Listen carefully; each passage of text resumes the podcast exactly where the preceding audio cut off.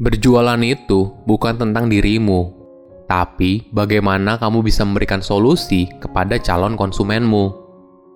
Halo semuanya, nama saya Michael. Selamat datang di channel saya, Sikutu Buku.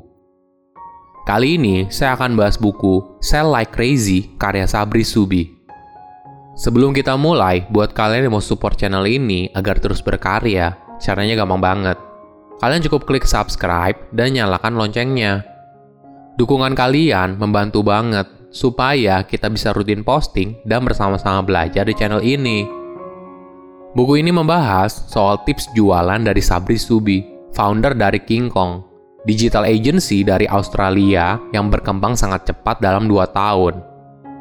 King Kong adalah agensi digital yang bertugas untuk menyelesaikan masalah kliennya paling dasar, yaitu bagaimana mencari konsumen baru Bahkan, Sabri berani menggaransi hasilnya. Jika mereka tidak mencapai target, maka konsumen boleh tidak membayar mereka, hingga akhirnya mereka berhasil mencapai target. Dengan berbekal 50 dolar, Sabri menelpon ratusan orang dalam sehari. Beberapa hari kemudian, dia berhasil mendapatkan beberapa klien pertamanya. Dalam 4 tahun, dia berhasil mengubah 50 dolar hingga 10 juta dolar per tahunnya. Saya merangkumnya menjadi tiga hal menarik dari buku ini. Pertama, mencari tahu pembeli idamanmu. Dengan latar belakang sebagai salesman, Sabri merupakan spesialis dari direct marketing. Dia sadar betul, agar bisa berhasil dalam berjualan, kamu harus tahu dulu siapa yang akan beli produkmu. Fokus pada pembeli idaman akan membuat pesan marketingmu menjadi jelas dan tulisan iklanmu menjadi lebih relevan. Ada beberapa tips agar kamu bisa tahu siapa pembelimu.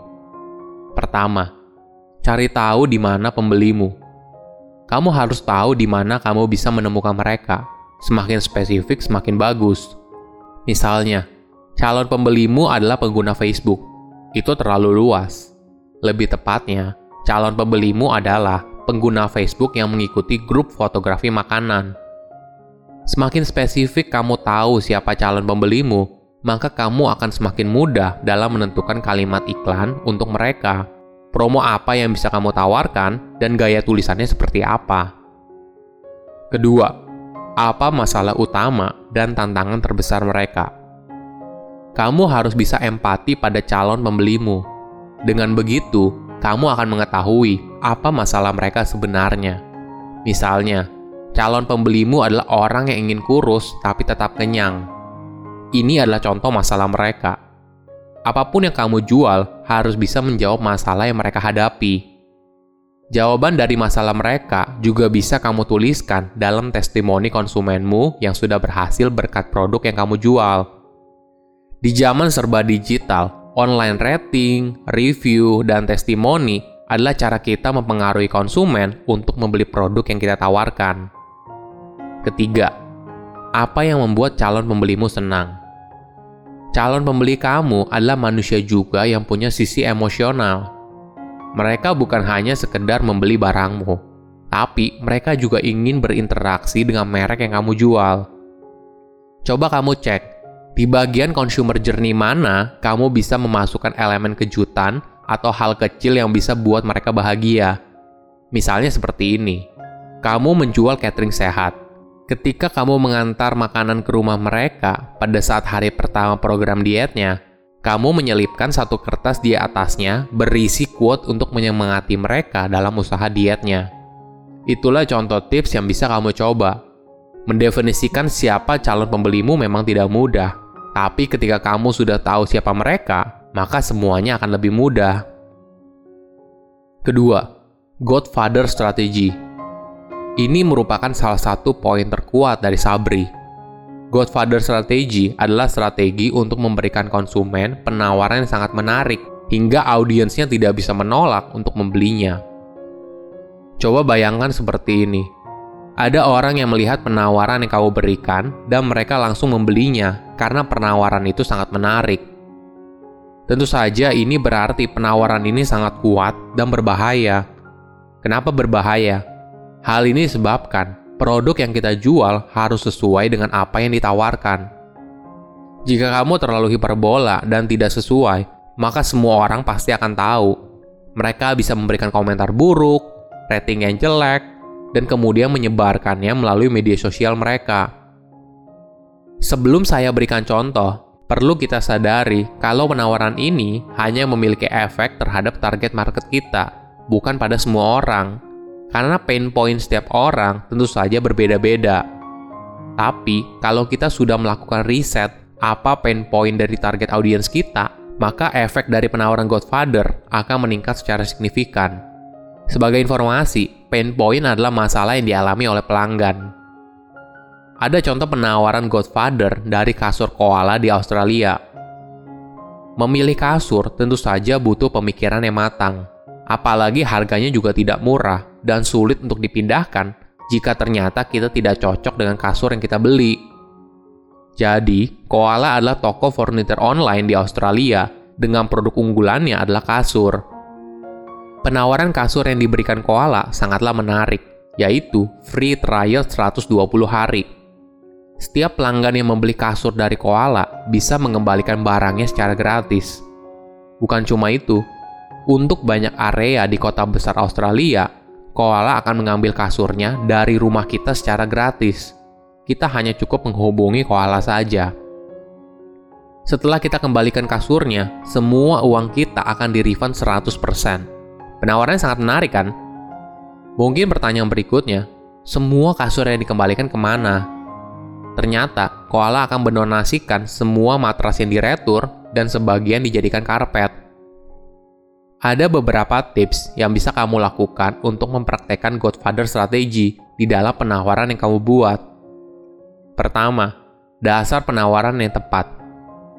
Agar penawaran kamu bisa berhasil, maka penawaran tersebut harus jelas dan mudah dipahami. Audiens kita jangan sampai bertanya-tanya apa yang mereka dapat kalau membeli penawaran kamu. Kedua, tambah bonus.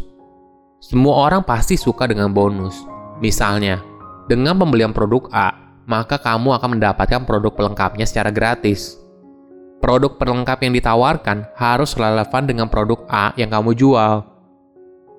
Ketiga, stack the value. Ini sering kita lihat di penawaran online. Misalnya, dengan pembelian 100 ribu, maka kamu akan mendapatkan produk A, B, C senilai 500 ribu rupiah. Hal ini berarti konsumen yang membeli akan mendapat manfaat 400 ribu secara gratis. Keempat, scarcity. Scarcity artinya kita kasih durasi berapa lama penawaran kita dibuka. Hal ini akan membuat calon pelanggan kita buru-buru membelinya. Contohnya seperti ini. Hari ini terakhir. Kemudian ada perhitungan waktu mundur dalam promonya. Atau hanya untuk 100 orang pertama. Dengan teknik ini, kamu akan melihat jumlah pembelian produk kamu akan meningkat secara signifikan. Ketiga, Magic Lantern Technique.